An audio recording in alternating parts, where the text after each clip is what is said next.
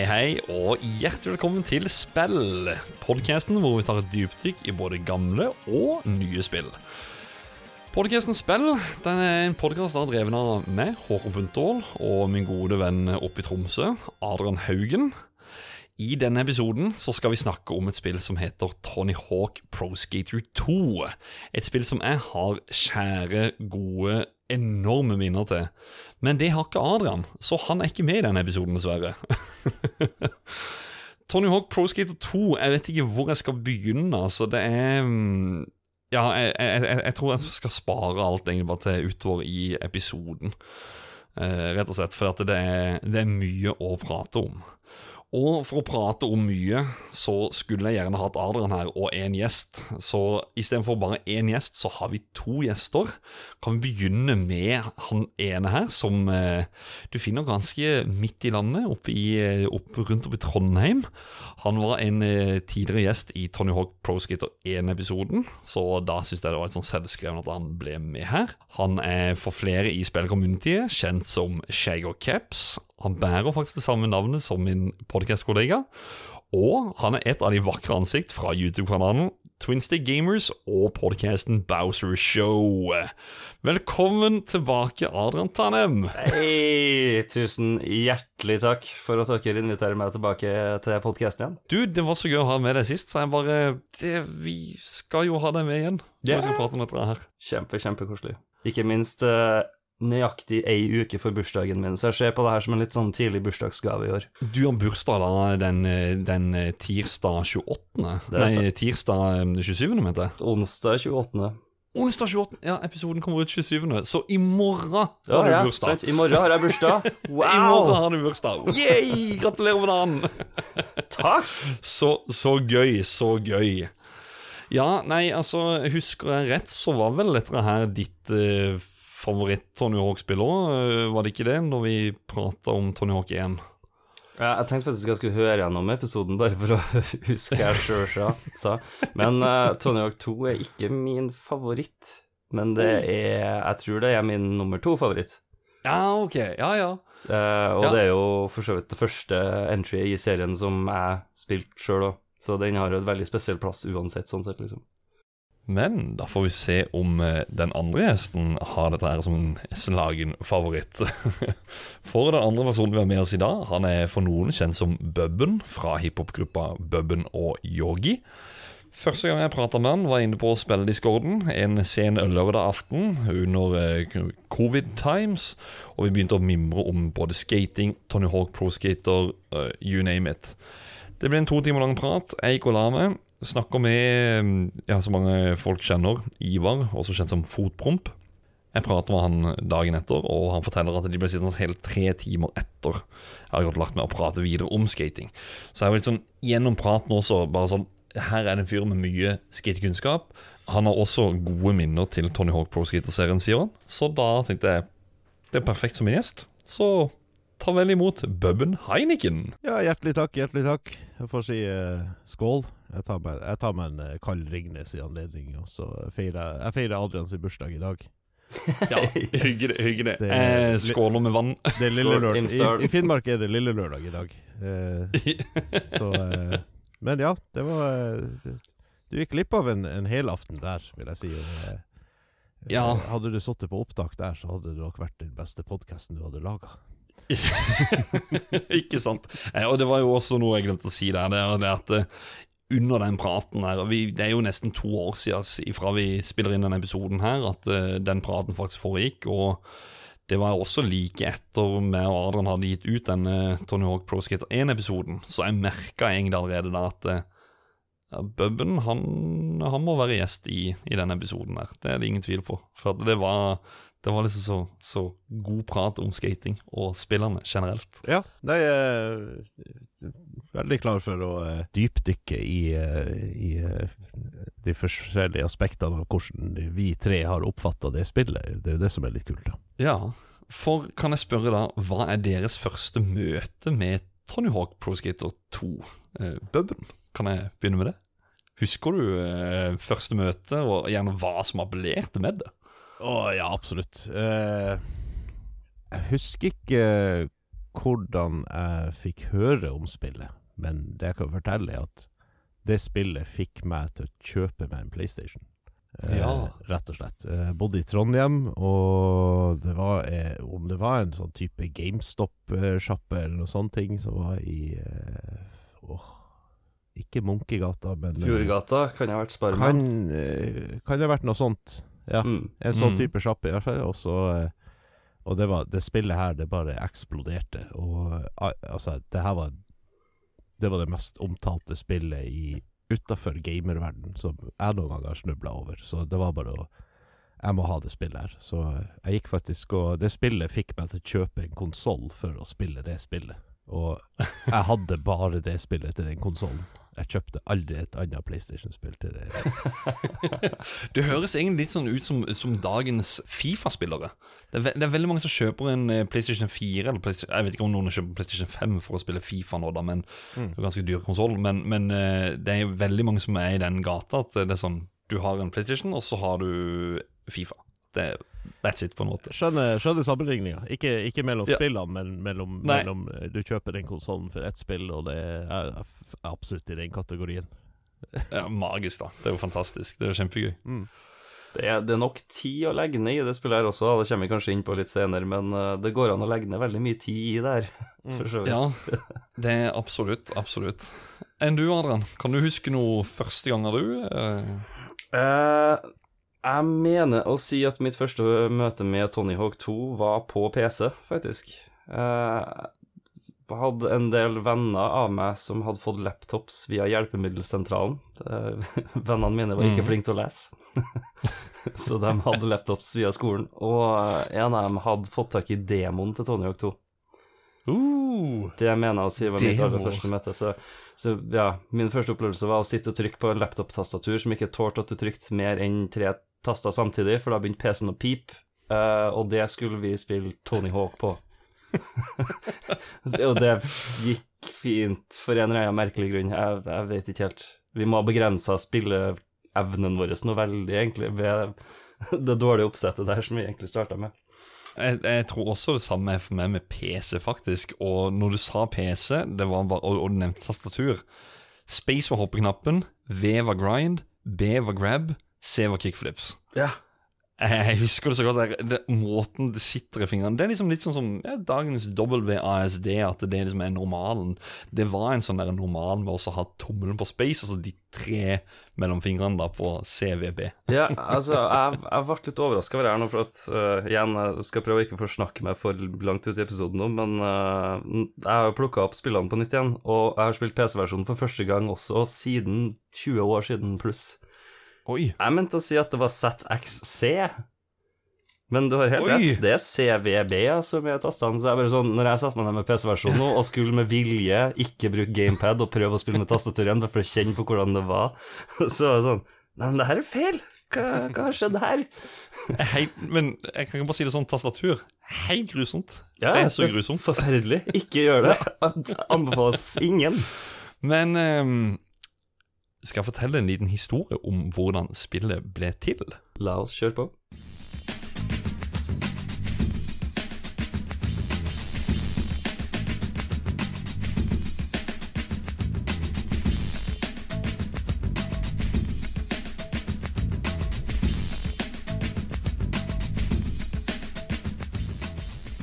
Når det kommer til utvikling av Tony Hawk Pro Skater 2, så begynte planleggingen tidligere enn man skulle tro. For forløperen den hadde ikke kommet ut engang. 24.9.1999, altså fem dager før utgivelsen av Tony Hawk Pro Skater 1, så forsto Neversoft allerede hvor stort dette spillet ville bli. Det var også på den dagen at de lyste ut stillinger for nye programmerere og designere. Hvor det i en jobbannonse sto det følgende Neversoft Entertainment. Hey, we just did Tony Hawk Pro Skater. Are looking for programmers and designers. Opportunities include Spider-Man, THPS2 and PSX2 development.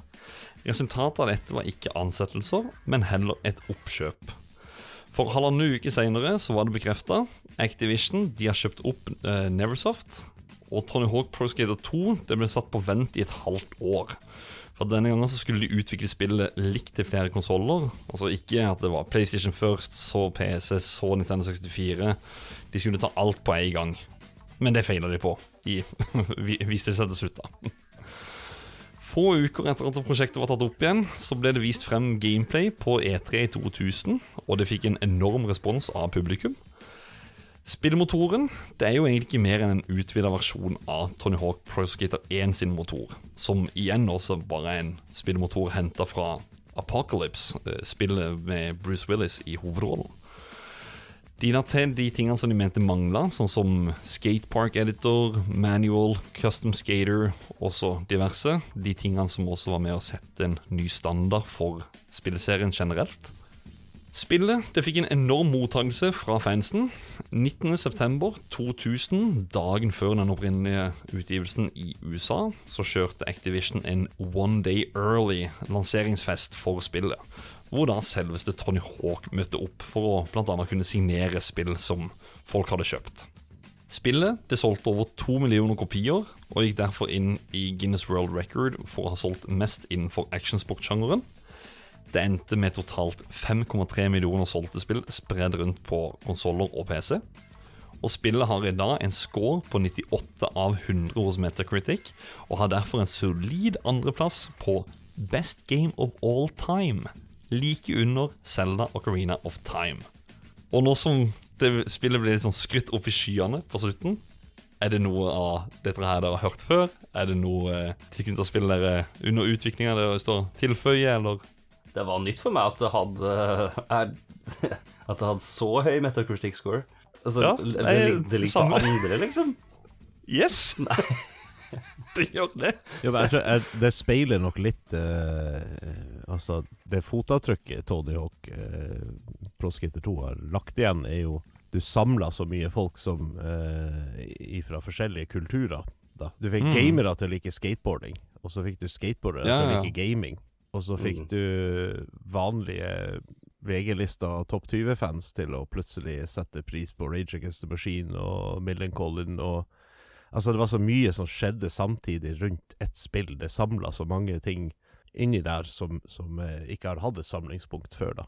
Så jeg tror eh, Metacritic score er eh, Altså, at det spillet har sikkert fått stemmer fra folk som vanligvis ikke går inn og stemmer på spill engang, liksom. Så Ja, for Publikumsskåren den vet jeg er litt lavere, det er han. Så, men, men her er det jo egentlig kritikerne ut av en pakke fra når spillet kom ut, kom i, ut, ja, ja. I, i, i, sin tid òg, da. Så det er jo sånn Det er sikkert noen eh, Det er sikkert noen færre kritikere enn dagens si Elden Ring, for eksempel, mm, mm. eh, og, og den slags. Men eh, bare det å se at det faktisk ligger så høyt oppe, det, det overrasker meg sykt. Og for meg, da, personlig med, med det at eh, det er så lite eh, informasjon om, om utviklinga av, av spillet som generelt. Mm. Det ligger på andreplass, det- så er det, det er så lite om det. Ser det, det er PlayStation-versjonen ja, som har 98, så ligger Dreamcast-versjonen med 97 der. Så det er noen Ja. av de andre versjonene som ligger litt lavere, men uh, det, det er jo helt utrolig imponerende. Ja, og det, med, altså, det som enda er unikt altså, Hvis du hopper tilbake i dag og spiller det spillet på en original PlayStation den, altså, Det var banebrytende, den, den, den spillfølelsen du hadde mellom kontrolleren Mm. og det som skjedde på skjermen, var, det var det beste som har eksistert opp til da. Og det tok Ja. ganske mange år før noen klarte å ta det igjen. Det var, det var unikt. Det var, det var veldig mange hakk eh, foran, eh, foran eh, konkurrentene, så det var det. Ja. mm. Jeg, jeg, syns egentlig det er litt, litt snedig altså, Ja, det er jo banebrytende innenfor sin sjanger, men spillet kom jo sånn høsten 2000 eller noe sånt òg, som jeg ser på som ganske seint i PlayStation-æraen. Uh, ja, for Hvor lenge var det den varte? den var jo egentlig se, se vekk fra Fifa, det som fulgte med i mange mange, mange år etterpå, men uh... PlayStation 2 var jo lansert i Japan på det her tidspunktet, hvis Ja, ikke jeg tar helt feil. Så vi var jo på vei inn i neste generasjon uh, spillkonsoller, egentlig. Ja, for jeg vet at det tredje i serien, altså Tony Hawk 3, kommer jo ut på Både PlayStation 1 og 2. Altså, Ja. for, for min del, det, det jeg merka personlig, det var, det var første gang jeg, jeg syns at kontroller eh, Altså den analoge stikken føltes analog ut. Ja, Mm, mm. ja. Det, det var bare noe med For tidligere så kjentes det veldig hakkete ut. Det var sånn her, Du må stoppe der. Det var første gang det, det kjentes ut som smør, liksom. Du, du, du, det var bare noe med De, de traff bare så utrolig godt på, på den analogstikken, liksom, som var veldig mye med på å, å få, eh, få den der connection med spillefiguren på skjermen. Det var de, de la jo til et par nye ting i spillet, sånn apropos kontroll, som du sa der. Så bare så Altså, vi kan ikke unngå å, å sammenligne eh, Tony Hawk Pro Skater 1 med, med Toren, for at de Ja, noe som jeg kanskje kunne fått med i litt mer i backstoryen der, at uh, de tenkte jo mer på det, det var ting som gjerne skulle vært med i det første, men de hadde av tidspress, så hadde de ikke De hadde ikke tid til å legge det inn, da. Så det er derfor spillet også ble eh, planlagt så tidlig som det gjorde. Det var liksom før det første spillet var gitt ut, så var liksom toren allerede planlagt. De lagde ET2 mens ET1 var ute. Ja. Og det Atari skulle gjort. Nei, altså, de, de la jo til uh, manual, Mm. som apropos kontroll, som var tepp ned og opp med stikka før du lander. Så balanserer du bortover, og da har du en sånn liten graf sånn som viste hvor, hvor god balanse det var. Ja, og Det var så game changer, syns jeg. Det er veldig game changer. Det er jo den store revolusjonen egentlig fra ena til toa. Mm. Eh, hvis man sier hva er store forskjellen på ena og toa. Det er akkurat det der. Mm. Det jeg syns er snedig, ja, du nevner det, det meteret som går opp og ned, som hjelper deg med å balansere uh, manuals. Veldig snedig at de ikke allerede her klarte å tenke ut at du burde få det når du grinder, og når du lip balancer også. Ja! Yes! Jeg skulle ja, jeg, jeg, jeg håpet noen kom til å si det her nå, for at det, det er så irriterende. For at jeg hadde, når jeg har spilt det nå nylig, så hadde jeg minner til at det, det var en bar når jeg grinda, og så var det bare Nei, vent nå. Må jeg inn på options og slå den på, eller? Nei. Nei, det Han var ikke der. Så én en av tre måter du gjør triks der du må balansere, har du i hvert fall en pekepinn på hva du driver på med. Men, men. Men de, eh, apropos sånn eh, eh, irriterende ting, da, eh, det at ikke det var graf med på, på grindinga, men det var jo big drop.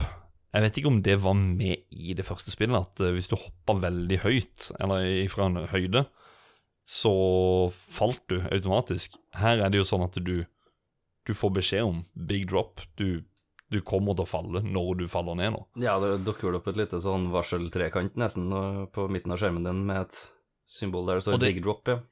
Jeg det har, jeg har fortsatt ikke skjønt bæret av den mekanikken der. Jeg har spilt spillet sikkert sammenhengende i to uker nå på forskjellige versjoner og forskjellige plattformer. Det er helt random, føler jeg nesten. Jeg Dreamcasten, der har jeg kanskje mest kontroll på tida. Ja. Jeg skal vise et, eh, eller, eh, jeg skal fortelle to plasser hvor du alltid får det. Og det er like irriterende hver gang. Det ene vet jeg 100 sikkert hva jeg er for noe. Da venter jeg spennende til å snakke om banene. ja. Og de la jo også inn Skatepark Editor. Og eh, apropos customization, så var det jo også mulig for å lage din egen skater. Eller en custom skater. Create a skater. Gjorde dere det? Ja, ja, selvfølgelig. Hvem som ikke lagde seg sjøl i en mye kulere utgave enn man egentlig var. Det var jo Herregud. Du tok, eh, du tok deg sjøl, og så bare Sånn her skulle jeg ønske jeg så ut. Ja, ja, ja. Det er den ønsketenkinga, den kommer frem der. Den gjør det. Ja. Det burde være sånn eh, psykologitime-greie. Sånn, eh, her har du Tony Hawk 2, create a skater. Mm. Hvordan er det du sjøl føler at du ønsker det skulle ikke ha skjedd ut? Ja. Så ser de hvor, hvor langt unna er det fra virkeligheten, og så ut fra det så klarer de å finne ut etter de har lurt om psyken din og hva som feiler. Ja, og det er jo det er mye av essensen i, i, i sånn type character games. Det er jo Altså, det er ingen som har spilt det spillet der, som ikke satt og tenkte den på skjermen er meg, og dem som er rundt der, altså det er fotgjengere. Jeg jeg er der for å imponere dem. Mm. Det, Ja. det er mye den selv... Altså, det, du øker selvfølelsen din med sånne der type spill når du begynner å gjøre det bra i det, for at du Kanskje det som var litt revolusjonerende, at det var, du ble så sugd inn i at, eh, at det som skjer på skjermen, det, det er du som driver på med det, liksom. Mm. Mm. Og så tok du med deg skateboardet når du har spilt to timer Tony Hawk. Så tok du med deg skateboardet for du ble inspirert, og så ble du veldig misfornøyd med at ikke du klarte å ta seks meter høye 27 og sånt. Du kunne ikke grind eh, ta en 50-50 eller nose grind eh, 20 meter eh, Nei. i sirkelen der og, Og det var, det var ingen balansebar der jeg prøvde.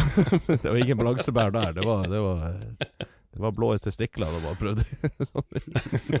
Se der, en balkong. Jeg burde blundslide den. Hei, Høy, svær bygning, jeg skal wallride meg opp til det rekkverket. Men den, den, den, er litt funny Nå i retrospekt så tenker jeg Jeg lurer på eh, den, den big drop-tingen der Om, om Skate kom jo med den Hall of Meat Ja. Jeg, Ja. jeg lurer på om det var en litt sånn direkte pønn til Tony Hawk Uh, Hall of Meat er jo I Skate er det jo det liksom Nå er det for høyt Det her klarer du ikke å lande Men du skal få poeng for at du knuser trynet ditt Og havner i Thrasher Hall of Meat liksom Henger kanskje sammen med noen av unlockablesen man har i Tony Hawk 2 òg. mm. det her Hall of Meat-greiene til skate. Mm. Eh, Ja, nei, for jeg skulle da si at det kanskje er litt den eh, seriøsiteten i det også. At eh, det, hopp, hopper du så langt som det, eller hopper du så høyt som dette, så, så tryner du. Ikke, ikke don't, don't try this at home. At det var da forsikringsselskapet ute og gikk der, kanskje, som hadde Men de hadde én ting til som jeg også syns var litt eh, bedre enn det de hadde i det første. Det var at du hadde penger istedenfor hva de hadde for noe stat points eller Tony Hawk points eller noe. du de du sånn- samla vel statpointsen i levelene i THPC-en, gjorde du ikke? Jo, jo, det var vel det at du per samla de poengene eller et eller annet, og så kunne du velge litt sjøl åssen du skulle legge inn de stat pointsene. Men her var det penger, for her hadde du skateshop. Mm. Altså her kunne du jo Du kunne kjøpe eh, nye grips, eller eh, hva det gjelder, nye, nye brett. Eh, eh, nye dekks med Som hadde diverse mm, eh, ekstra features, sånn at du hadde litt bedre speed og, og diverse. Så kunne du kjøpe stat points, kunne du kjøpe triks. Så det var litt sånn der eh, Ja, i tillegg til custom skater, så var det liksom Du hadde jo full kontroll på hva, hvordan din skater skulle være. Mm. Det du, ja, fordi når du kjøper dekk i spillet her, så er det jo sånn at for hvert dekk du kjøper, uansett hvilket ett du kjøper, så Mm. increaser uh, statsen på brettet ditt litt. Renne. Ja, ok. Så du kan kjøpe det siste brettet først, men du vil Ja. fortsatt bare få den samme utviklinga på statsen til brettet ditt som hvis du starta med brett nummer én og jobba deg gradvis oppover. Ja, ok, altså, så uansett, altså bare eh, Ja, eh, jo flere dekk du kjøper, Ja, det, jo mer. Det var lenge før pay to win. Det var akkurat det jeg tenkte sjøl. det er en liten pay to win der. Men det skal sies òg, med penger, at hvis du faktisk har peiling på hvor mye av disse pengene er, så er det jo veldig lett å så egentlig komme seg godt opp i steds med en gang og, og, og alt. Det Mm. Det er jo sånn vurdering der eh, som jeg også har lagt merke til når jeg drev og egentlig cruisa gjennom Career litt på nytt på alle de forskjellige versjonene. Så har jeg prøvd litt forskjellige måter å gå frem på spillet for en gangs skyld. òg, For jeg har alltid samla penger, fokusert på stats hele veien helt til slutt. Og så bare Mm. fyller jeg på specials litt underveis og sånn. Men når, du begynner å vite F.eks. legg merke til at Airwalk gir deg sinnssykt mye poeng i det her spillet. mm. Det å begynne å pushe inn penger på de riktige eh, triksene på de riktige på en måte tastekombinasjonene, eller retningene, og du setter jo retning opp til venstre og grab, for eksempel, er Mm. airwalk. Hvis du da vet at du som regel ender opp med å holde opp venstre når du grabber, og du har en veldig enkel, men lønnsom flip liggende på flip-knappen din Mm. Det er sånn Så mye enklere det spillet blir, og liksom Mm. hvor mye kjappere det er å kjøre gjennom det. Eh, Det er noe Mm. jeg er egentlig undervurdert når jeg spilte gjennom det før i tida sjøl. Jeg vet ikke hvordan det er med dere, om dere eh, gikk så djupt inne. Det var så mange måter å spille det spillet på. Mm. Det var Du kunne gå for uh, OK, jeg skal bare ha realistiske triks. Jeg skal få det til å se ut som eh, en ordentlig skateboarder her. Og du kunne gå for, uh, sånn som du sier, med OK, få mest mulig poeng, og få Altså, du kunne flatgrounder deg i hjel, og uh, Altså, det var Det var så jeg, jeg tror det er det som gjorde det Det, det, var for, det er sikkert forskjellig måten folk spilte spillet på, hva de ville oppnå i spillet. Mm. Ja, for det var det i det, i det spillet her. Mm. Det var mye mer goals, faktisk, eh, eh, sånn generelt, enn en i det første. Der var det jo bare fem. Her er det vel sånn her typ ti. Det Mm. er ti per ja, når du eh, inkluderer cash, og samler alle cash-symbolene. Mm. Så det er ni, eh, ni vanlige goals og pluss Mm. for cash. da. Ja. Mm. Men jo, for å svare deg på det Altså, jeg, jeg brukte jo eh, du, du sa jo grab, men jeg, jeg brukte kontroller altså sånn eh, Det var sånn naturlig å trykke på firkant, og firkant er jo flip. Ja. Så jeg gjorde egentlig bare flips, grind, og så OK, her var det høyde. Gjør én flip eller to flip, tre flip kanskje. Og så inn i en manual, hopp over, grind, wall ride. Uh, ja, grinding hele tida. Grind Det var det det var. Ja, og så var det egentlig bare for å gange opp den der, eh, eller få opp det gangetallet, og så sette inn en special eller to. Så var det En lang rail-linje med darkslide, eller hva enn det skal være for noe, og så bare, som du sier, gjøre en flip mellom hver og manual, og så tilbake til grind igjen. Repeat. Ja. Six score er tatt med én gang. Nei, så men, men når det kommer til, til penger og dette, jeg syns det, det er en konge, kongegreie med, med, med spillet. Det er en mye bedre måte enn det de gjorde i forgjengeren. Absolutt. Ja, altså det Egentlig burde man se på den første utgaven som en beta. Ja, på, på, på mange måter. Jeg tipper det er det i hvert fall eh, utvikleren ønsker at vi skal tenke, at uh, her er betaen. Nå har, vi, nå har vi kjøpt oss litt tid til å gjøre spillet sånn som vi ønsker å presentere det. For at det, det er så uh, Altså, det er jo galaktisk forskjell på de to spillene i, i både altså filen i spillet og, og layout Altså, hel, hele helheten i spillet er så veldig mye bedre i toeren. Det, du, du Mm, merker at her mm. er noen som har brydd seg veldig mye om, om hver eneste lille detalj. Det er liksom Det er ingen feil i 12. oktober Nei. Nei, for at jeg syns i hvert fall de, de gjorde én ting som var veldig, veldig, veldig riktig. Det var at de la til en karakter ved navn Rodney Mullen. Og det er bare Oh, yeah. én ut av de totalt 13 skatere som er med i spillet. Hvor eh, Jeg kan jo bare ta og nevne de med, med navn. Tony Hawk, selvfølgelig. Og så er det jo, ja, som jeg nevnte i Tony Hawk 1-episoden Jeg trodde at han het uh, Rune Glifberg, men det er jo Rune Glifberg Ja, fra Danmark. Dansk. Bucky Lasek, uh, Kareem Cam uh, Campbell, Mm.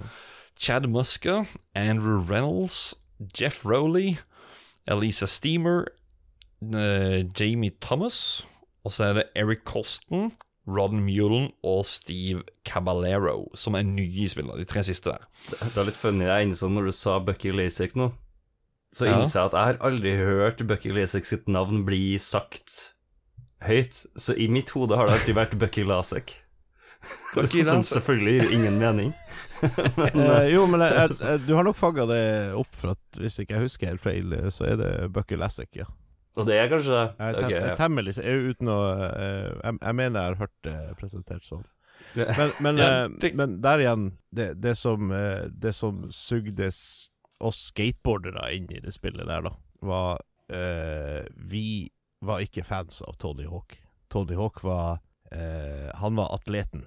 Vi likte Mm. punkrock-skaterne og dem som Fordi for oss så var det en artform, liksom. Det skulle ikke være, Ja. det skulle ikke være en sport. Hele hensikten var Det var ikke en sport, fordi det her er noe du gjør for deg sjøl, og for å uttrykke deg sjøl.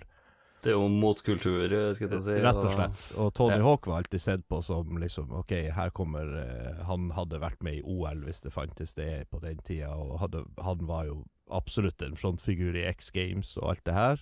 Så uh, hadde jeg møtt Tony Hawk i dag, så hadde jeg sagt liksom all ære for at han torde å være så modig og ta med det soundtracket som var med på spillet, og ta med de skateboarderne som var der, for det var liksom eh, Det var de kule skateboarderne på den tida, blant skateboarderne. Mm.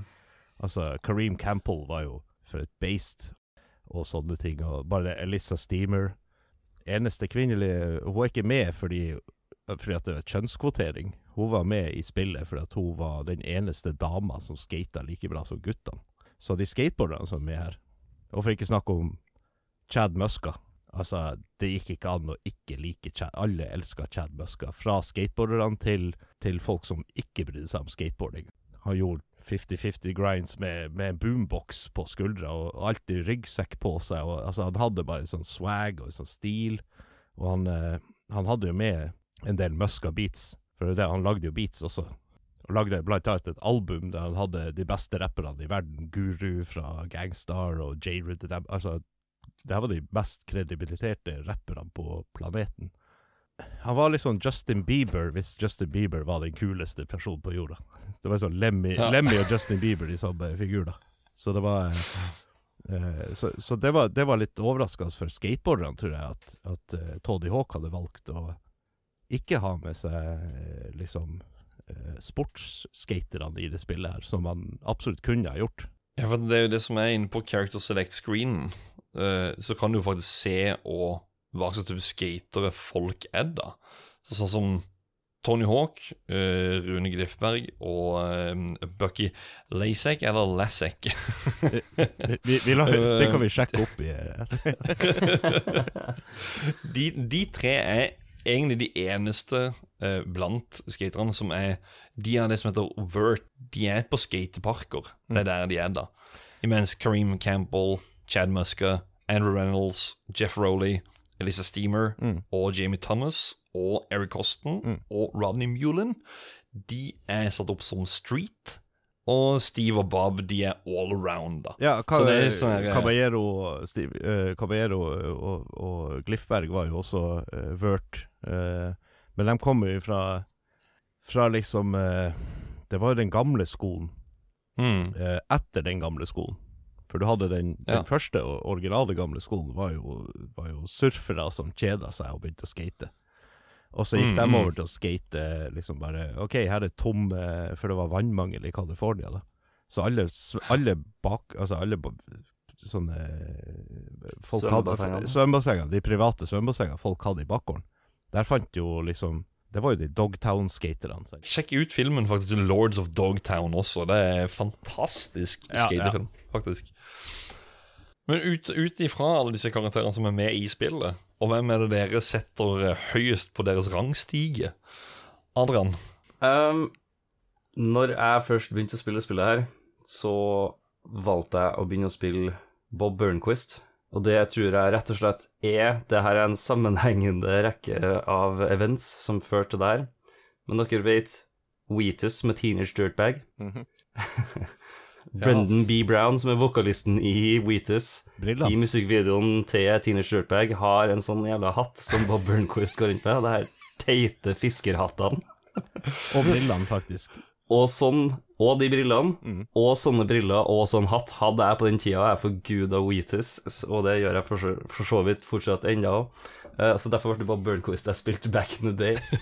Men uh, Bucket eh, ettersom årene gikk, og jeg ble litt mer interessert i skating generelt, og fikk øynene opp for Rodney Mullen, Ja. så har han siden vært min hands down skategud. Det er ingen ved siden av. Det er ingen han er, han er så langt over alle andre, og det har han alltid vært. Så det er liksom hands down Rodney Mullen hele veien.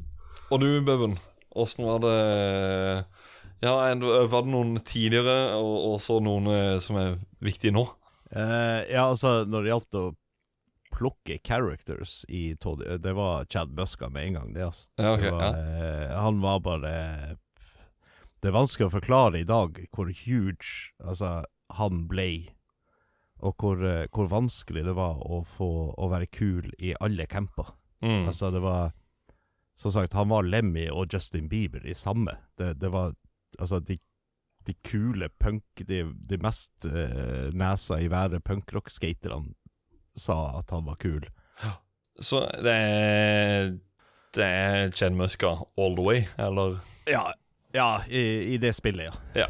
Absolutt. Det er Uten tvil. Han, eh, han, han gjorde inntrykk, altså. Det, Eh, For meg så var det egentlig bare navnet det sto på, ikke karakteren. For uh, det, var, det var egentlig en blanding. Jeg, har, jeg deler det sammen med deg, Adrian, at etter dette spillet så er det Rodney Mullen for alle penger. Full rulle. Men eh, det var noe som var fett med Jamie Thomas. Med den der eh, hoodien og eh, Zero jeg, er litt usikker faktisk på om Zero eh, Det der og det, om, om, eh, om det var med som dekk i dette spillet. Det, det kan jeg faktisk ikke huske, men eh, Jo, det Jo, henger, jeg tror det, altså. ja, det henger igjen etter det første, rett og slett. Bare alt det der med Zero, den hodeskallen, Jamie Thomas med den sorte hoodien sin. Det er bare Mm. Ja, det var, det Ja, det var nok mye, mye det uh, Jamie Thomas var jo team manager for Zero. Ja, eh, sant. og det var, det var han som plukka uh, Lissa Steamer ut og bare du skal sk Altså, i 2022 er det jo litt farlig å, å si, men ja, hun, hun ble plukka ut og, og fortalt at du, du må skate sammen med guttene. mm. Du, du er dessverre litt for god for å, for å skate sammen med jentene. Så hun eh, og, og hvis man går og ser på YouTube video, Altså på videopartsene hennes Heldigvis har vi YouTube i dag, så man kan gå tilbake og se på videoparts. Mm. Men og på den tida der, å ha en kvinnelig skateboarder som skata like bra som guttene, var det, det, Man kan ikke understreke hvor unikt det var. Nei, og det, Det- det skal også det sies at det var, det var moro å spille henne òg, egentlig, syns jeg. Det var ja, og moro å spille kvinnelig skater. Det Mm. Men eh, til slutt, etter hvert som Tony Hawk 3 og dette her kom, og, så, og du så noen videoer av Rodney Mullen, så var det bare Jesus Christ, for gud! Hva er dette her for noe? Hva er det han gjør? ja, det er totalt galskap. Ja. Spinna Altså, insane, hvis det er liksom og da, altså, jeg, jeg misbruker ordet insane. Jeg sier det jo hele tida i hverd, hver, hverdagsbruk, liksom, Ja, ja. men eh, han er sinnssyk. Ja, han er Han er det. gal. Han er det. Ja, altså, det hadde ikke vært eh, Altså, ja, mest sannsynlig hadde street, streetskating hadde nok funnet opp seg sjøl uansett, men det hadde ikke sett ut i dag sånn som det ser ut uten Rodney Mullen, altså. Det, det, det blir ofte litt glemt hvor det, hvor det kommer ifra, alt det her. Det var han som fant opp flat ground Ollie. Ollie var Ollie var egentlig et, et vørtriks eh, som ble utvikla. Først så var det ikke engang Du tappa ikke tailen engang på en Ollie. Det var bare det at du skulle være litt grann i lufta når du snudde det. Mm. Det var en 180-graders manøver. Eh, og så begynte de å tappe tailen og litt sånne ting. Og så fant Roder Mulle ut at hei, det her kan jeg gjøre på flatmark. Og så kunne han gjøre det over ett skateboard, og så kunne han gjøre det til slutt han- Altså, han olja over fire skateboard når folk enda tok fem centimeter høye olje på, på street, liksom. Så det Gal mann. Ja. Når du sa olje over fire skateboard, så kom jeg til å tenke på Skal vi ta en liten prat om disse her banene som jeg spiller? Fordi at um, den halfpipen du hopper over, er jo på første bane. Det er jo The Hangar, eller sånn flyhangar, eller uh, Som man da begynner med en bakke, og der er du inne i en flyhangar med en halfpipe foran deg og ja, et uh, helikoptervrak og et annet helikopter som du kan grinde på, som bare raser ned hele taket og tar helt av. Og Stort, uh, stort glassvindu som, uh, som halverer på en måte hele hangaren også. Stemmer. Fra det startområdet du snakker om, der du starter i en bakke, så går du rett ned til den halfpipen. ja, Med, med, også med rails over seg, den her halfpipen. ja, ja, ja stemmer, stemmer, stemmer. Så du, du starter jo faktisk med Gå rett ned den bakken, og hvis du vet hva du driver med, så tar du jo en nosegrind over den halfpipen. Ja, for at det Ja, er det, en altså, hvis, du ikke, hvis du ikke nosegrinder over den, den, den bua railen over, over halfpipen der, da kommer jeg å, og beslaglegge eh, din PlayStation. You have to read your tasks, for det er jo faktisk tasken du får i spillet. Så det er, det er liksom Vær så god, jeg får den servert med en gang. Men jeg, jeg, jeg er litt å si om den banen der, faktisk. Det er Nede i halfpipen der, så er det en, det er en propell som står langs veggen. Hvis du grinder på den, så sprenger du opp veggen, eller veggen detter ned, da. Propellen begynner å snurre, og så forsvinner veggen. Ja, og der var det sånn første gang jeg var innom der. Det, det, det var egentlig sånn derre uh, creepy uh, vibes igjen. Fordi min far han jobba på Gartnerhallen, og da hadde de sånne kjølerom inne på disse lagrene. Og noen av de kjølerommene var jækla svære, og de hadde svære vifter inni seg, og alt sammen, så jeg følte at jeg var inne der igjen første gang jeg skata. Der bare Jeg liker ikke dette stedet. Det jeg, jeg, jeg, jeg, faktisk, jeg kan huske å liksom, ha den følelsen at Å, det er kaldt inni her. Ja, Det er kaldt inni her. Du kjenner det sjøl. Liksom, for du, med en gang du drar inn i det rommet, så får du også lydeffektene av noen sånne vosj-lyder. mener jeg. Og bare, ah, nei, det er kaldt. Få tak i pengene og dra rett ut igjen. Ja, for det er det som er Det er penger der inne, og så kommer det ut. jeg, jeg tror vi legger det under eh, kategorien over brukerfeil. Ja. Fordi at eh, Hensikten med gaming er jo å flukte unna traumer. Det er ikke å ta dem med seg inn i Nei, spillet. nei. ikke, ikke, ikke skam ditt liv igjen. Brukerfeil. Ja, Men på neste bane, som er School 2, det er jo en sånn såkalt skal vi si, oppfølger av School ifra Tony Hawk 1. Er det en bedre utgave, syns dere, eller? Jeg tror, altså, Ikke for å spore for mye tilbake nå, men nevnte vi helikopteret, forresten? Ja. Jeg nevnte helikopteret, at du kunne gå inn på det, og så flyr det opp, og så detter taket ned, og alt. Eller ting Ja, og så får du tilgang til å dra ut og hente secret tapen. Ja, stemmer. Ja, ja, Eh, faktisk, ja. Det er også, men også med Hanger, for så vidt, er likhetene mellom både den og første levelen til Tony Hawk 1 òg. Ja, Warehouse tenker du på. Ja, Warehouse, ja. De er jo veldig like, men jeg Ja, føler ingen- den er egentlig bare en, en igjen bare mer refined, altså en mye bedre. Ja. Uh, finpussa er det Mm, mm. gode norske ordet for det. I, igjen, i, dag, i, av eh, ja, i, dag hadde, I dag hadde Tony Hawk 1 vært kalt for en beta. Ja. Eh, ja. Uten, uten tvil. Mm. Men på School 2 Det var for øvrig der jeg snakka om big drop. Det er mm. gå hen til venstre, ned forbi trappa der. Eller så oppover på taket med en gang, og så dett mellom to bygninger. Det er altså big drop. Det er veldig ofte big dropen kom der, for min del. Ja. Det er veldig, veldig standard rute for meg på School 2, det å gå rett for wallride den bjella på høyresida, ja. og så hopper du videre opp til taket Ja. og gjør det hoppet gjennom vinduet, Yes. knuser glasset og får big dropen. ja. Hvis du har prøvd å manuelle for mye og fått litt for dårlig hastighet, så big dropper og lander midt imellom to byggene og ramler hver eneste gang. hver eneste gang. Jeg, jeg tror faktisk landing-staten til characteren din kommer inn i bildet her. ja. Jeg mener å si at hvis du har høyere landing-stat, så er det høyere sannsynlighet for at du overlever en big drop. Mm. Men sånn som den banen her, da. Altså School 2. En bedre bane enn School 1 fra Tony Hawk 1. Jeg mener at den absolutt er bedre. Ja. Det er på, veldig mye på lik måte som uh, Hanger ser jeg på som en bedre versjon av uh, Warehouse. Så ser jeg også på School 2 som en bedre versjon av School 1. Mm. Ja, altså For meg så tror jeg faktisk at dette er en av de banene jeg har spilt mest når det kommer til hele Tony Hawk-serien, faktisk. Jeg har spilt den banen Ja. så sinnssykt mye. Igjen den innlevelsen av at Hei, jeg tar med meg skateboardet på skolen og dominerer foran eh, klassekameratene mine som er fotballspillere, og, og, og bare se hvor kult skateboarding kan være. Og litt sånn her der. Eh, eh, for min del, da. Det var For det var jo Altså, jeg gikk på skolen, så, så var jeg skateboarder, og når du bor i, i verdens nordligste by og er, er skateboarder og punkrocker, så er du aleine. Mm, mm. Så, så den der er liksom uh, følelsen av OK, nå skal, jeg, nå skal jeg få dere til å synes at det her er kult. Eh, det- den den øh, fylte veldig mye av spilleopplevelsen for min del, da. og det tror jeg gjorde for veldig mange. Mm, mm. Jeg tror det som gjør levelen uh, stor for min del, er på en måte Altså, det, hele layoutet på den banen der er design Altså, det, det er en stor level. Ja, Mm. Den har litt av alt. Er det den største? kanskje. Det, jeg føler det er den største med Det kan fort hende, ja. Det er i hvert fall følelsen av det med, med de trappestikkene som er, og, og Ja.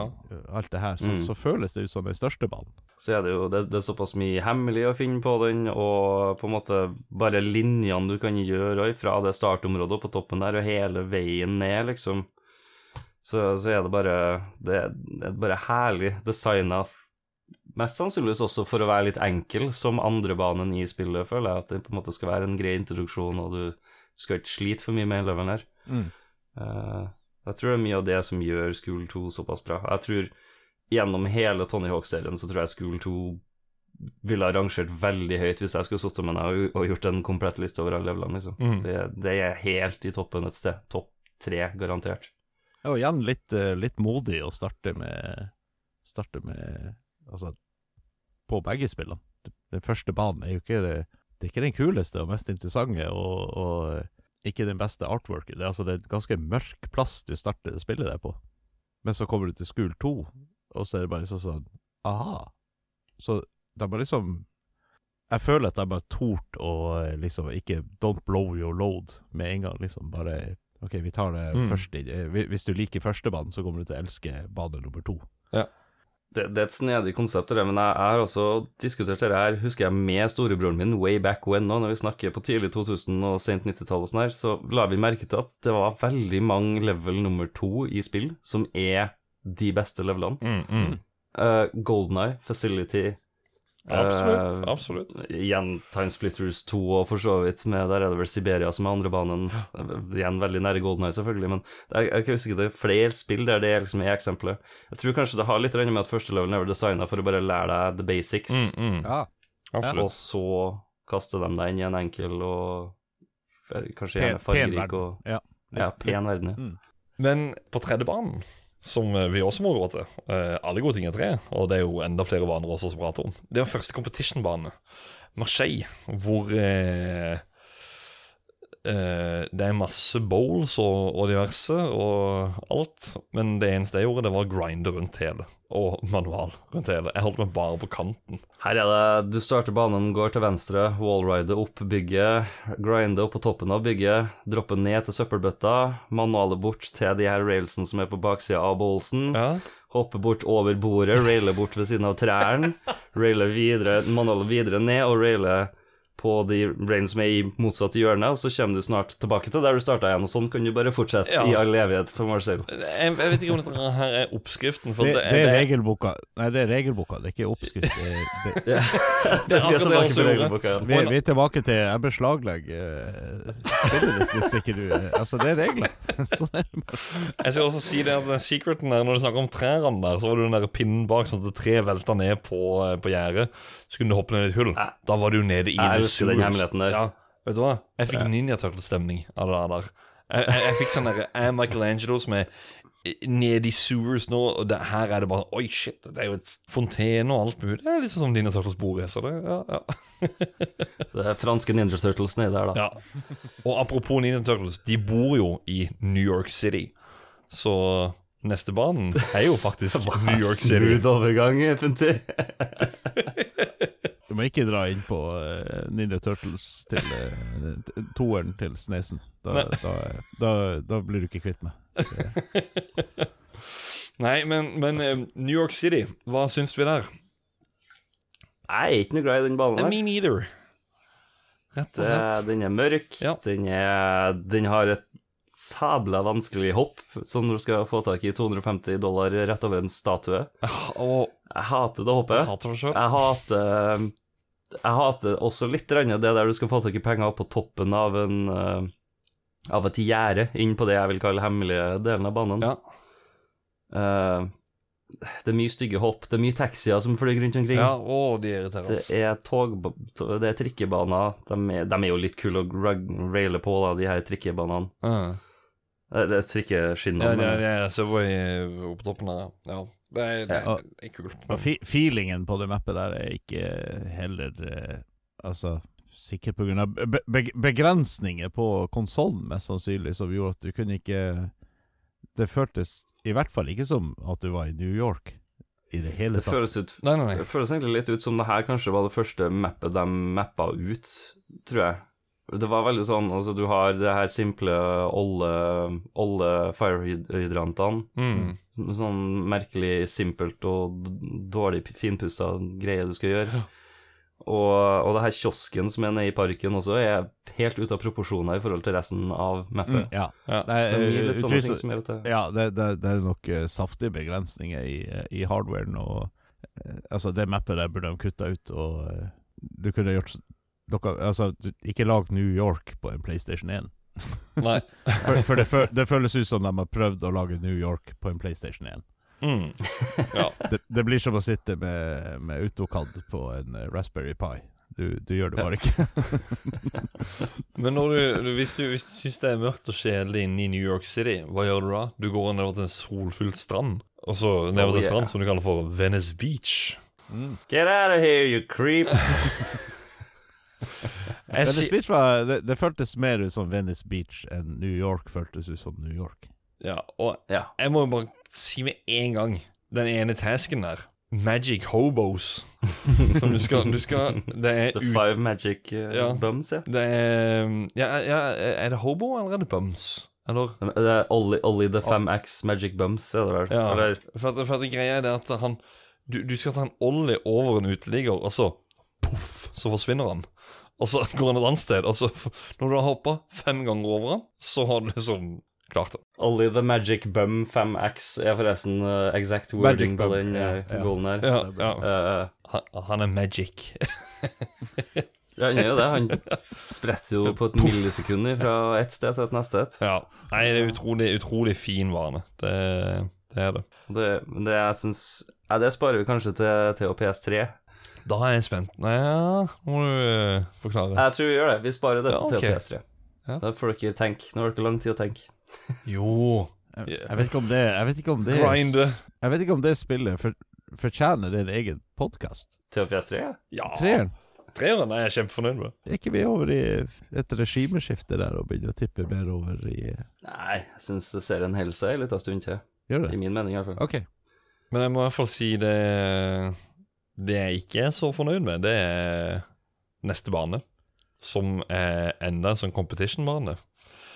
Og det er liksom Du er inne i en skatehall med masse Altså sånn Her er det skating. Uh, men jeg syns den er kjedelig. Skatepark Ventura, ja. Ja, jo, Skate Street eller Skate Park Ventura. Skate, ja, stemmer. Og det er liksom inne i en, skatebar, en, en innendørs skatepark. Eh, jeg syns det er kanskje en av de kjedeligste i spillet, til og med. Det er, jeg, synes, Oi, såpass, ja, jeg, jeg, jeg, jeg vet ikke hva det er for noe, men jeg tror det er det med at du, du har så mye frihet i de andre banene at du railer liksom alt fra togskinner til oppå gjerder til ja, nå, nå, nå sier jeg det ting som kan relatere veldig til New York City, som er en drittbane, men, men, men, men alt det der helikopter og alt det her altså, Nå er vi faktisk inne i den seriøse biten. Det skal ikke være så seriøst. Jeg tipper hvis du spør veldig mange skateboardere, så er nok Ja. det favorittmappet til Altså oppi der, i hvert fall. Ja. Til det er, absolutt er jo skjønne det. som en veldig realistisk stor skatehall, egentlig. Så, Mm. Ja. Det er det som er, også, og det at det er andre skateboardere. ja.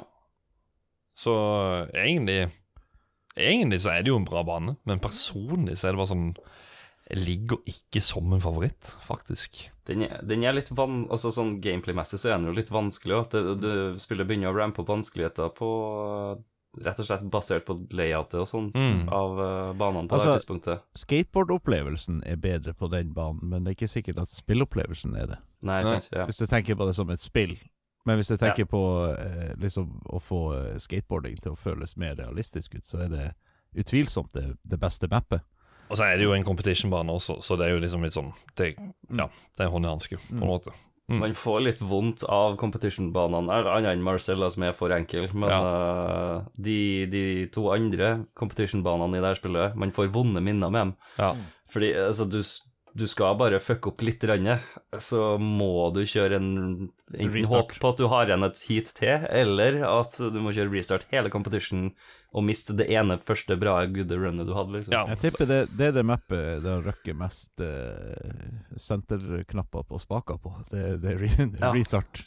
Det, var det, husker jeg det, det var select, og så Nei, det var Start ned Eh, X. Start ned X. Og venstre X. Ja. Fordi du får en Are You Sure der òg. Å ja. ja, du, Ja, stemmer det. Ja, ja det gjør du jo på competition. Men Det, så eh, det, det, det, er et straff Altså, du blir straffa hardt der, men, Ja. eh, men det er absolutt det mest progressive mappet mm. i forhold til å lære seg eh, spillet. Mm. Men neste, som er Philadelphia, kan jo egentlig minne litt om New York City. Bare her er det lys under den. Jeg, igjen, ja, jeg er ikke glad i det mappet her. Jeg glemte forresten å nevne det, men på Venice Beach det er vel kanskje også en av mine favorittmaps i hele Tony Hawk-serien. Ja. Men eh, her nå på, eh, på Philly, så uff, jeg er ikke noe glad i banen her. Nei, ikke jeg heller. Det var Den, eh, Jeg skal faktisk si, eh, trekke tilbake på Tony Hawk 1 pluss 2. Når jeg kom til den banen her, så var jeg litt sånn Denne husker jeg ikke. Faktisk. Det, det, Mm. den, altså, alt med Tony Hawk 2 husker jeg så godt. Men så er det bare Oi, denne banen den, den husker jeg ikke. Her må jeg faktisk sjekke nøye på de ekstra tasks som du skal gjøre på den spesifikke banen, ikke, ikke bare six score. Så ja, det er en sånn der ja. den er jo veldig vanskelig. Den, eh, den krever ja, veldig mye fra deg som en spiller. mm, det- For det er vel siste ordentlige, vanlige banen, er det vel, før du har siste competition-bane Det det. igjen? Det er bare Mm. den, og så er det en competition-bane igjen, ja. Det er det. Du har liksom Du har ting sånn som du er nødt til å nose blunt slide en awning, eh, altså en slags terrasse, eller hva den heter Mm. på norsk. Ja. Uh, du er nødt til å enten raile helt sinnssykt langt over en statue og en fontene for å komme opp til toppen av et kjempehøyt hus. Mm. Og dit må du komme deg to ganger, for du er nødt til å eh, drenere vannet i den fontenen. Der har vi bilde av fontenen på discorden nå, ja. I, I virkeligheten. Ja, altså eh, ja.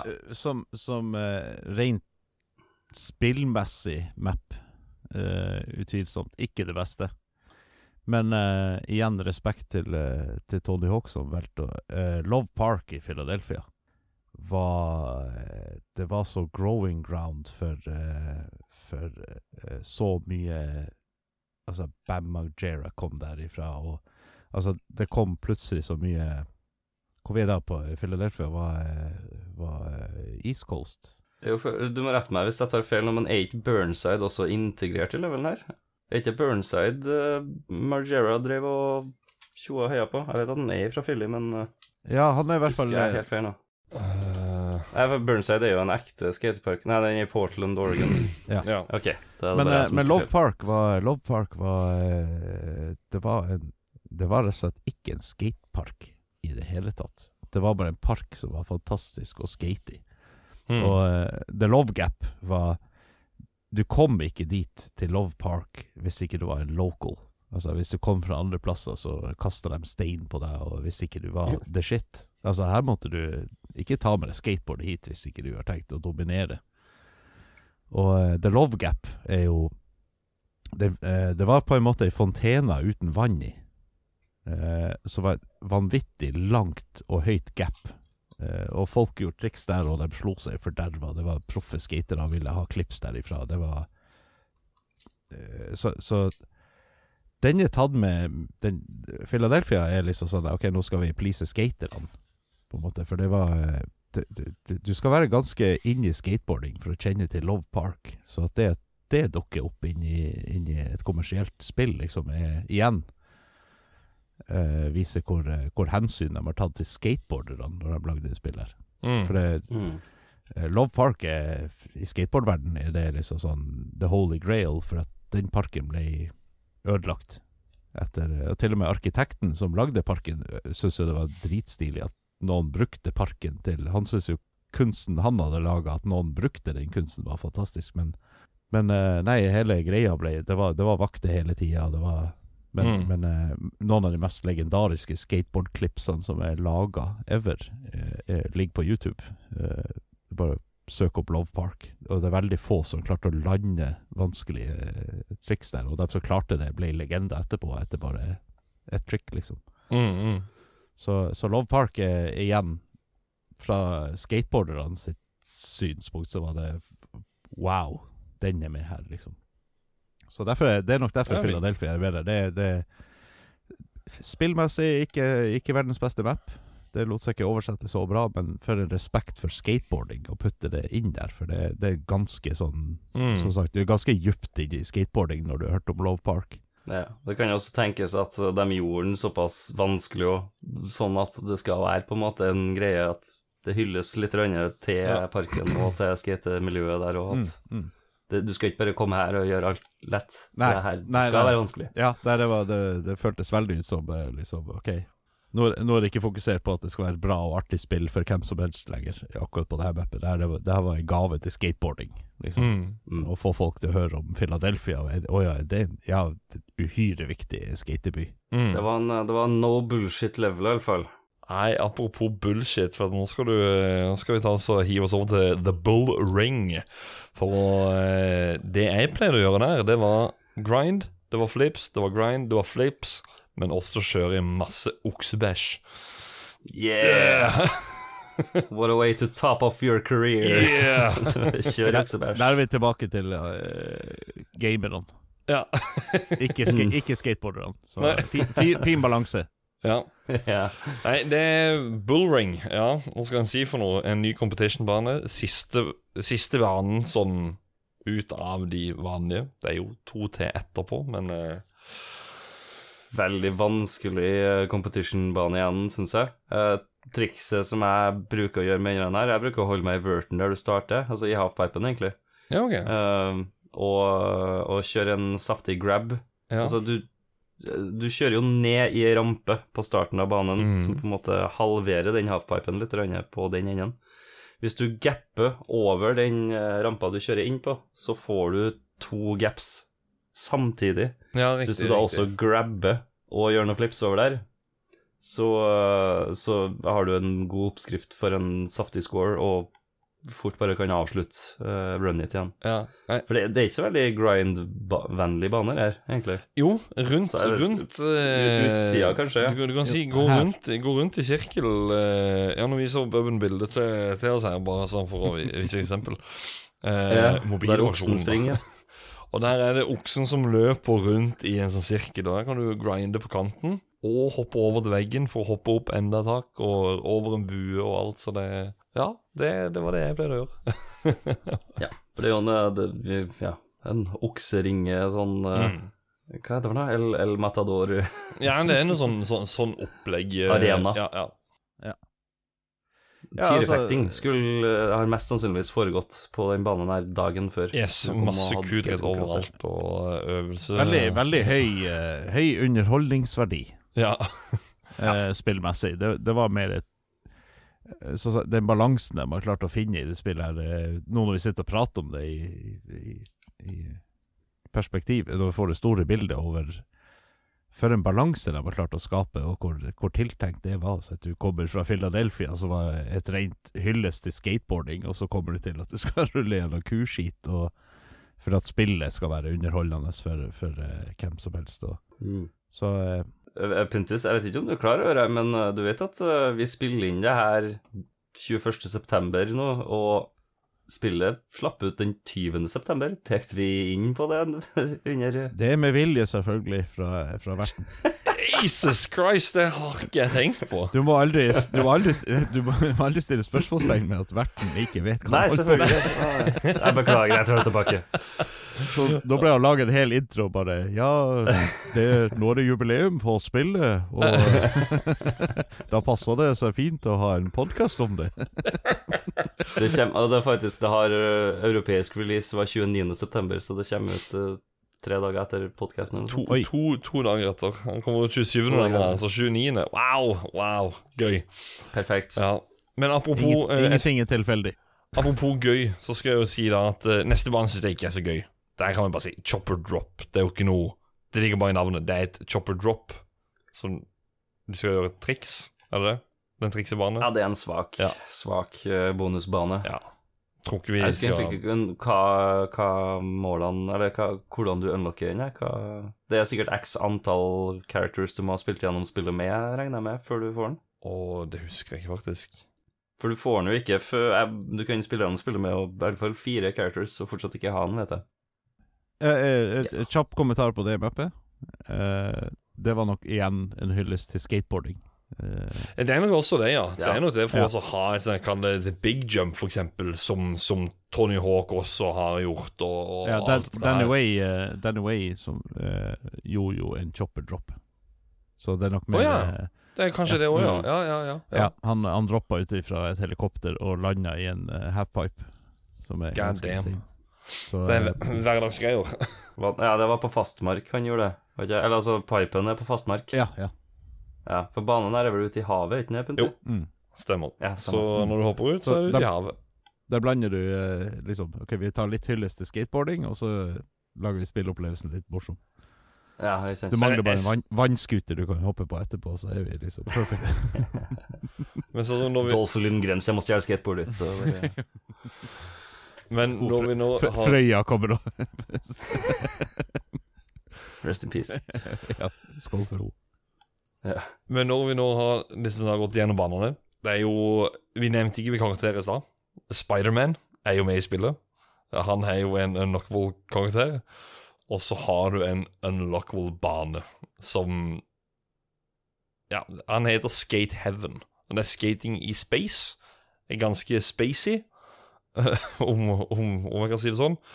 Og musikken som vi skal snakke om nå hvert øyeblikk Jeg må bare, spille av musikken fra denne banen her. Ta og hør.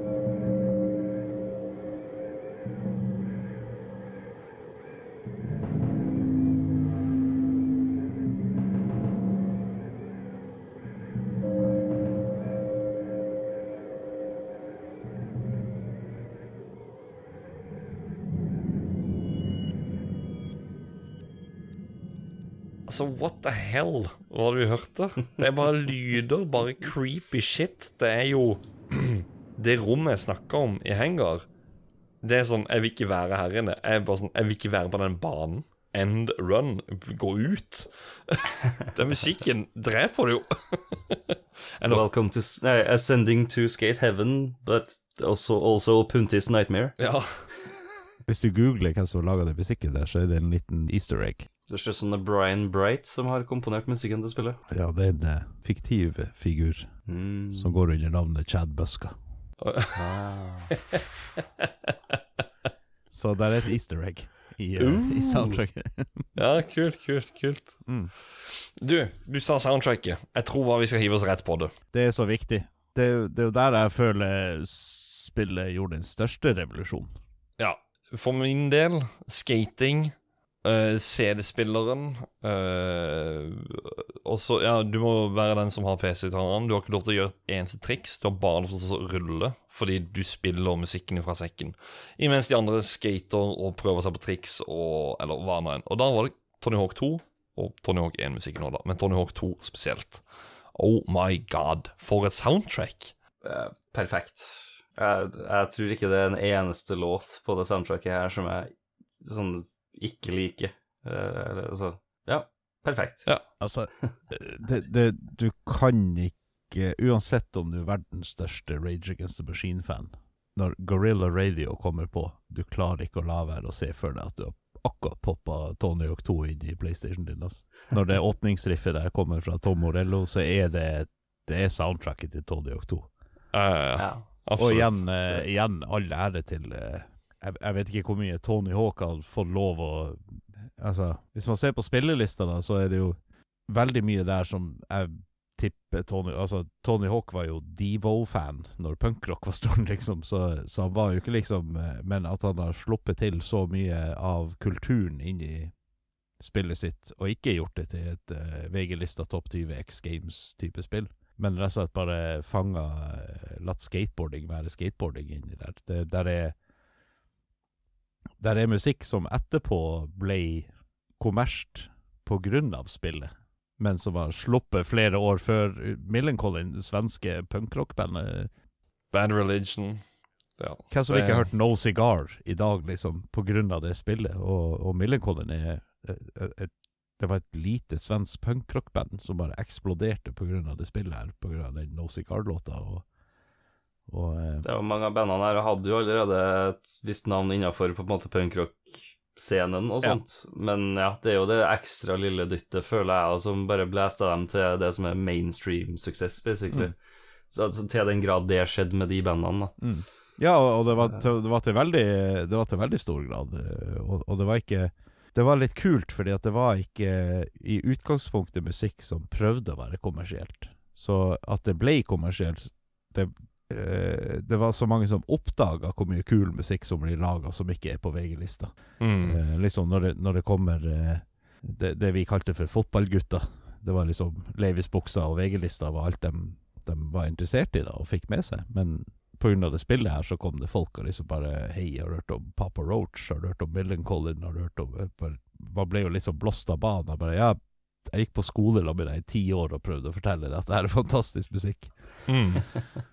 Så, så eh, det, det er ikke til å eh, Altså, man kan ikke understreke hardt nok hvor viktig det var for musikk, det spillet her, og hvor, hvor det bringte nye fans inn til fantastisk musikk, som var litt mer komplisert enn en, uh, New Kids On The Block og Backstreet Boys. Så, uh, Nei, ja. jeg, jeg har en liten fun fact å, å ta frem her med Rage Against the Machine, Gorilla Radio. Og Nintendo 64 eh, i, for, I forrige episoden så, så spilte jeg jo av Superman til Goldfinger og viste to forskjellige versjoner. Jeg har dessverre ikke klipp med meg her, men jeg kan si at det de, det de gjorde de, de hadde bare du, du, du, du, du, du, du, du. Den, den biten der av, av, låta, det hadde de med. Og så hadde de Lights Out, Gorilla Radio, og så Turn That, og så stoppa det. Ikke shit off. Og så står det istedenfor All Hell Can't Stop Us Now, så er det All Can't Stop Us Now. all Hue jeg er så glad for at du tok frem det her, Puntis, for jeg hadde glemt at jeg hadde skrevet ned notater til denne episoden, men jeg har skrevet det akkurat det her. Vet du hva? Det, det verste med akkurat der er jo at de bruker jo også, sånn som andre versjonene, bruker de Gorilla Radio på introsekvensen til spillet, men i stedet for å kjøre full motion video, sånn som PlayStation Dreamcast og PC-versjonen gjør, så kjører de jo bare random klipp fra forskjellige banene Ja. av eh, noen NPC som spiller. Ja. Men altså, hvorfor Altså, de har klippet Gorilla Radio så forferdelig i denne N64-versjonen, og hvorfor skal de da fortsatt bruke det på introen, liksom? Ja, altså, altså det, og den er det er så all dårlig. Ja, den der All Jeg tror, jeg tror det er den impacten det har når du setter Altså, du mister spill Altså, det er noe Ja. så intens med den sangen der, og når du putter den jævla det, plata inn i PlayStation. Eh, at det må være med, men vi alle vet jo hva Nintendo sin profil er jo, eh, er jo Var jo alltid lavere aldersgruppe enn Ja, og så er det, også er det mange på Det er, maskin, det er maskinvare og det som, som gjør det. Åh, uh, nå skal jeg ikke gå inn på det rent tekniske, men uh, ta så hør Nintendo 64, folkens. Uh, episoden vi hadde om den. Da, der er det Ja, det er ikke egen soundchip, blant annet. Den går vel Mm. via GPU-en, tror jeg, eller et eller annet. Så Nei, men, men um, altså, musikken i spillet er, er Det, det, det halve Det halve spillet. Ja. Eh, soundtracket det, det og, og eh, Jeg vet ikke, jeg, jeg, jeg føler det var ganske revolusjonerende å kjøpe lisenser Ja. til eh, Altså, nå, etter spillet, så ble det jo kommersmusikk, men når du da skulle slippe det spillet her, så er det jo ansett som Det var ganske sær musikk Mm. å putte inn på et spill, når du hadde liksom muligheten til å Du kunne solgt mer spill med å putte kommers-popmusikk på det, liksom. Ja. Og, eh, og samme gjort eh, spillet om til at det er bare X Games og, og det her er OL og det er sport. Men, men eh, soundtracket reflekterer det jeg har sagt hele veien her, at det, det, det er så respekt for skateboarding i det spillet her. Også, Ja. Det er tatt hensyn til at eh, Ja, se på den lista med skateboardere, reflekterer også lista over, over bandene som er med her. Fu Manchu og Lagwagon og alle de bandene der ble jo stor etter, etter spillet. Mm. Så eh, Altså, det, jeg var jo også på en uh, Legwagon spilte jo i Oslo tidligere i år. Mm. De hadde en konsert i Oslo den 1. august, og jeg dro av gårde, for jeg var tilfeldigvis i Oslo Jo. eh, uka før òg, så jeg, jeg forlenga Oslo-ferien min for å dra på Legwagon. ja. Og altså, det er jo Legbergen er et bra band rett igjennom, skal si, veldig mye bra album og sånn her. Men med en gang May 16 kommer på som siste låt på den konserten her, altså, herregud, hele, hele rommet. Ja, du vet at 80% av hele publikum er, er gutter som har sittet og spilt Tony Hawk Pro Skater 2. Jeg er ganske sikker på det, Det, temmelig, ja, du kunne plukka opp mikrofonen og spurt Hei, eh, hvor har dere den sangen her? Og, og de kommer til å Ja. svare Tony Hawk 2. Eh, Det er uten tvil. Kan alle dem som ikke har sangen her fra Tony Hawk 2, rekke opp hånda? Ingen hender i været. Nei, nei, Ingen hender. en, en annen låt jeg også må bare få frem, det er faktisk eh, Papa Roach med Blood Brothers. Det er mitt første møte med Papa Roach. Altså Last Resort. Den låta er legendarisk. Jeg tror kanskje det her er vel kanskje fra albumet før Last Resort, hvis jeg ikke tar helt feil. Nå er ikke jeg super into Papa Roach her, men uh, jeg er veldig mye mer glad i denne låten enn en Ja, Last ja, for Last Resort er den som liksom er kjent i ikke, Kanskje ikke VG-lista, men, men, men liksom kjent Kjent, kjent uh, ut Det var av hiten deres, ja. Absolutt ja, det, det er hiten. Men Blood Ja. Brothers den, er bare Det gikk på Swish, for å si det sånn. Ja. God gamle Swish. Så, og så bare vi ta eh, Men, men eh, når jeg sier punkrock, så blander jeg også hiphop inni der. Altså, Ja. jeg, jeg, Da snakker jeg egentlig bare om subkulturelle musikksjangere, på en måte. Det var jo Det var jo Most Deaf, Nordic by Nature, og det var ikke Det var ikke hiphop og Ray. Nordic by Nature. Det var liksom eh, Pin the tail on the donkey. Hell Mm. yeah. På, på det tidspunktet når jeg først spilte spillet her, så var jeg fortsatt Altså, jeg var glad i punkrock som veldig ung kid fra jeg var fire, og igjen når eh, Offspring kom på banen, så plukka jeg igjen opp eh, mye fokus på punkrocken. Men det her var jo også sluppet rundt hiphop sin store era, era med. Eminem og ja. ja.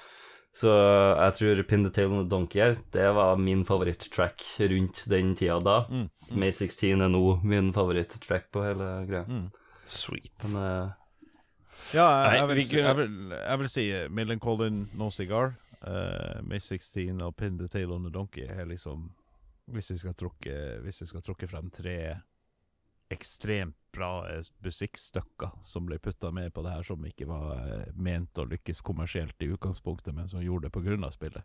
Mm. For det ble eh, Det førte til så mye Når folk hørte hvor melodiøst og pent punkrock kunne også være, i, i form av May 16, så åpna det Mm. døren til å gå og høre på andre band.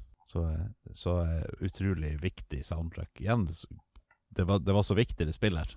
Kunne prata i timevis bare om soundtracket, og jeg anbefaler eh, egentlig Det er ikke ofte jeg pleier å si i en episode. Pause episoden nå. Gå inn, hør på hele soundtracket på Spotify. Kom tilbake igjen etterpå.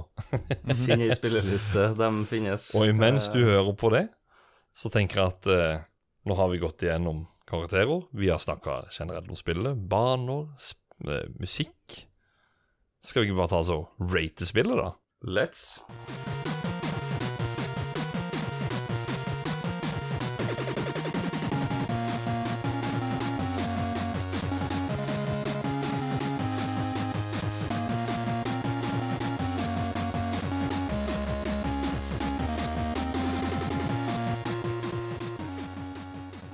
Yes, da skal vi rate spillet, og vi setter karakteren etter Nintendo-magasinet. Det Eller sine kriterier.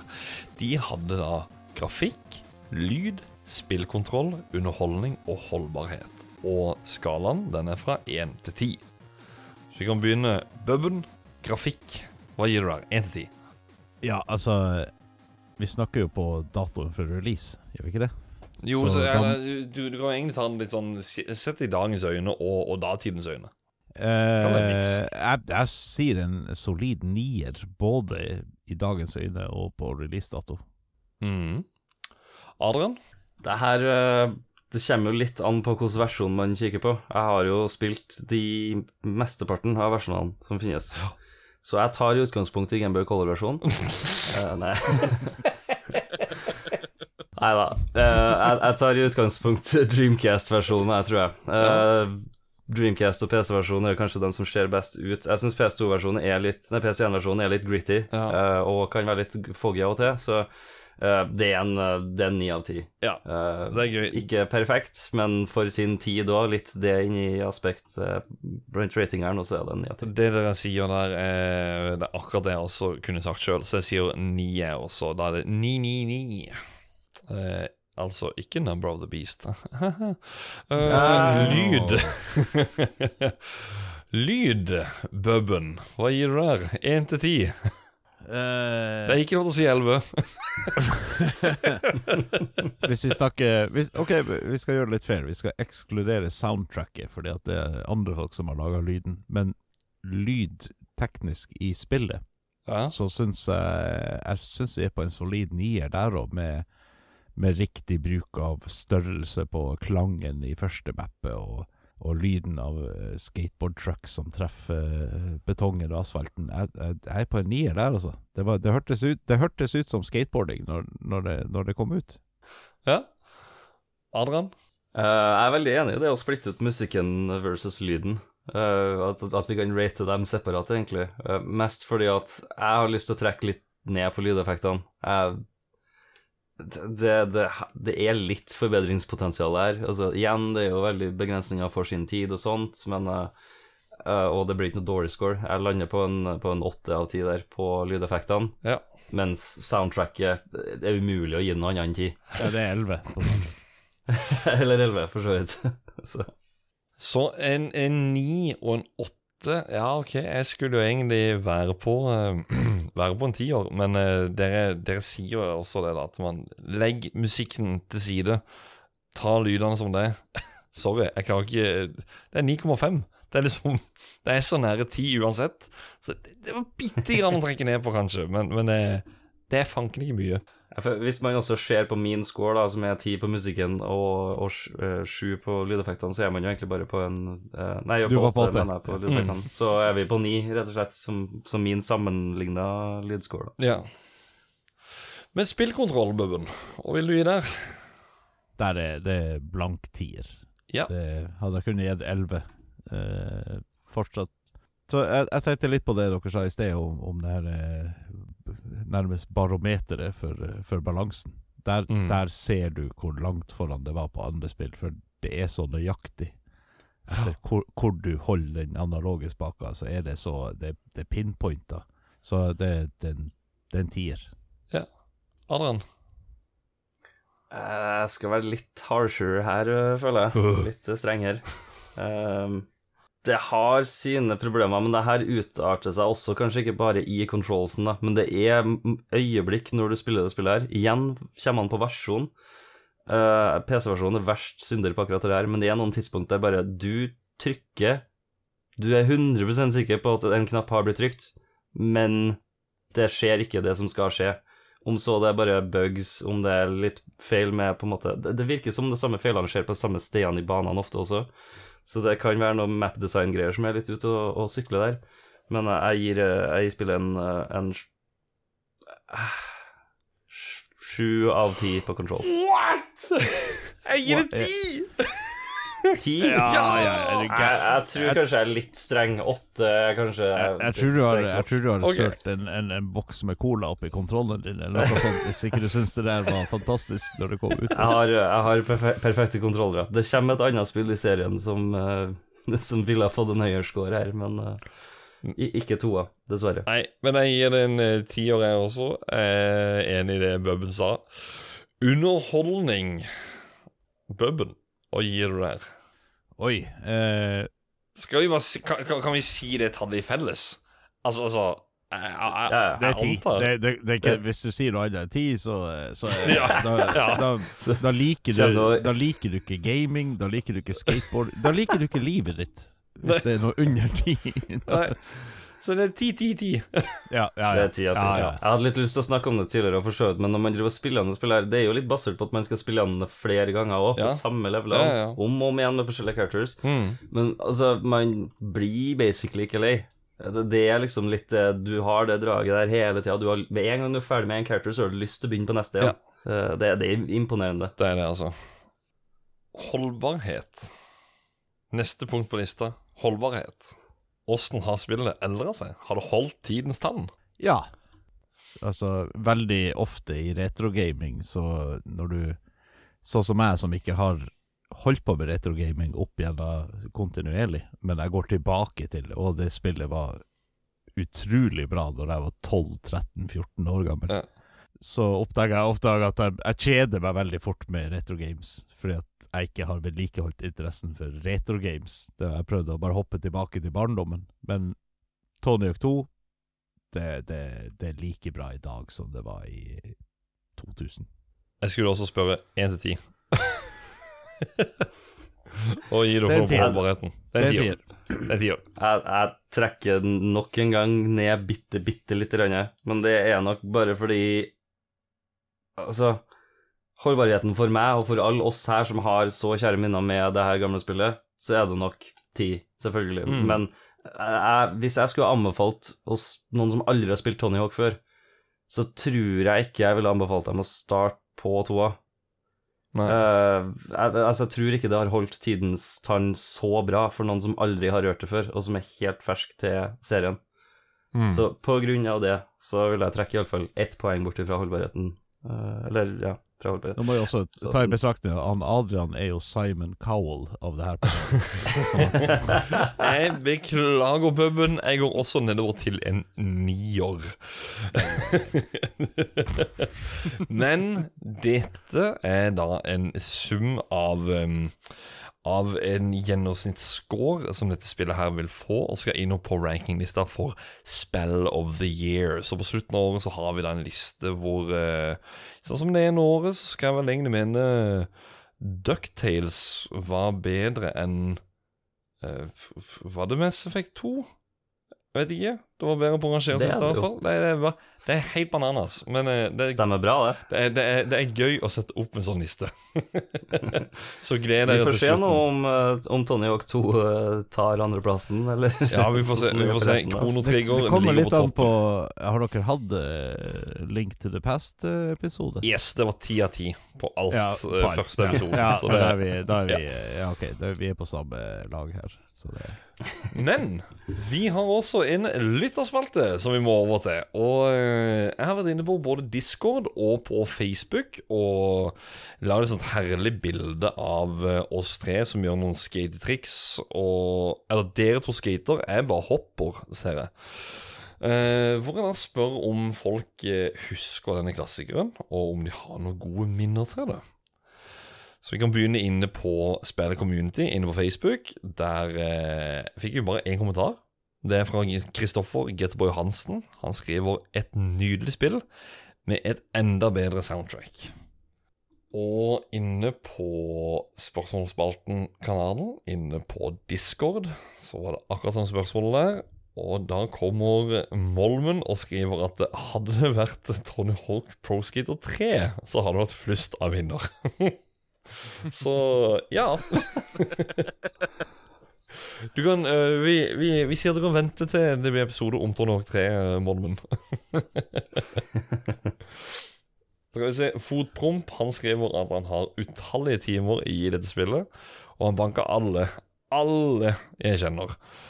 Uh, dette er et spill med så episk soundtrack, og som spillinteressert skater så traff dette midt i blinken.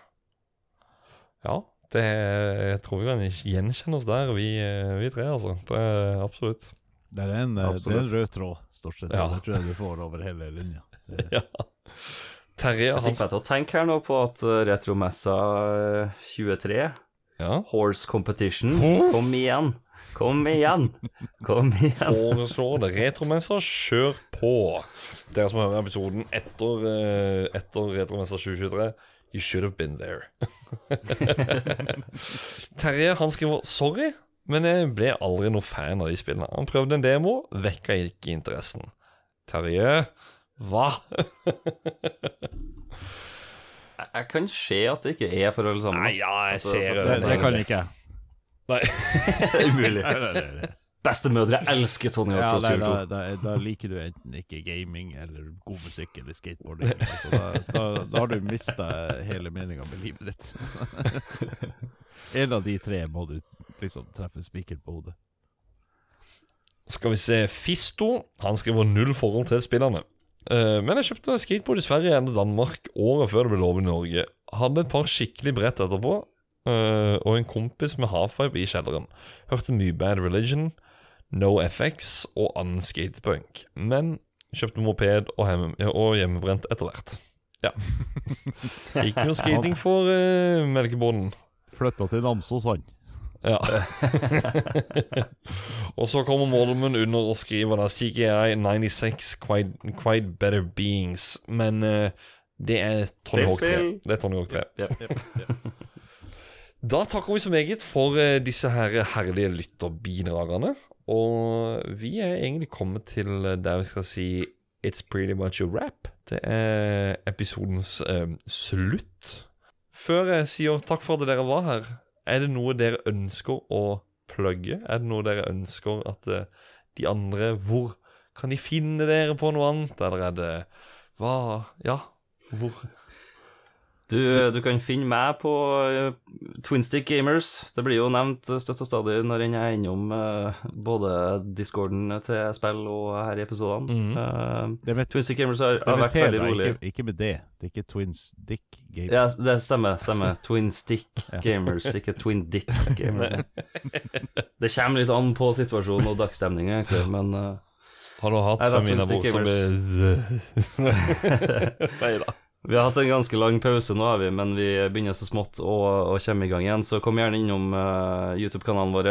Uh, skriv til oss på Facebook, og følg oss på Twitch. Vi, uh, vi, er det noe som skjer, så er vi live på Twitch. Ja, veldig, Og det beste av det dukker opp på YouTube igjen senere. veldig trivelig gjeng, syns jeg. Dere alle sammen der i Twinsy Gamers. Det er herlig, herlig gjeng. Og Bubben? Skal, det, Takk, takk. skal sjekke det ut, definitivt. Nei, jeg, jeg fikk eh, nok plugs av, av den pluggen der. Eh, Det, ellers vil jeg bare si at uh, du finner meg inne på uh, Counter-Strike Ja. daglig. ja. Det, CSGO. det, ja, det, det er bare ett spill. Det er ett spill. That's life. ja, du har ikke noe Bubben og Yogi-konserter, Ingenting? eh, Jo da, det har vi, men Men, eh, men eh, vi skal til Sortland, og så blir det vel en tur til Oslo og litt sånt. Men, eh, men det, er, det er utsolgt, så jeg trenger ikke å plugge det. Nei, ikke Jo, jo, sant? men man, altså, det er ingenting som er så punk som å, som å komme og, og skaffe seg billetter når man står i køa. Liksom, det, det gjorde jeg med Legwagon, for så vidt. Ja. Jeg sto jo bare foran inngangsdøra med, og bare snakka med alle sammen som kom. 'Hei, har du billetter selv?' og til slutt så bare Ja, ordna seg. Men vi, tenkte, vi kjører så greia hvis du eh, Hvis du tar med en screenshot at du spiller Counter-Strike, så slipper du gratis inn. Og så, Ooh, it's a trick, og everyone. så, og så kjøper jeg øl til deg. Så, Og så sier du at du gir eh, Tony Hawk Pro Skate 2 bare 10 av 10.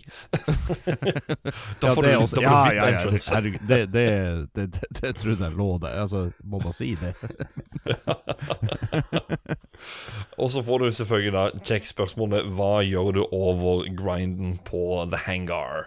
Ja, hvis Yes. ikke du, hvis ikke du no-scrider den, da, da, nei, da kan jeg dessverre ikke hjelpe deg med livskvaliteten din. Da, da har du var, altså, Your last case. ja, det, det var ikke Det var ikke Det var ikke Neversoft som designa det, det var Gud.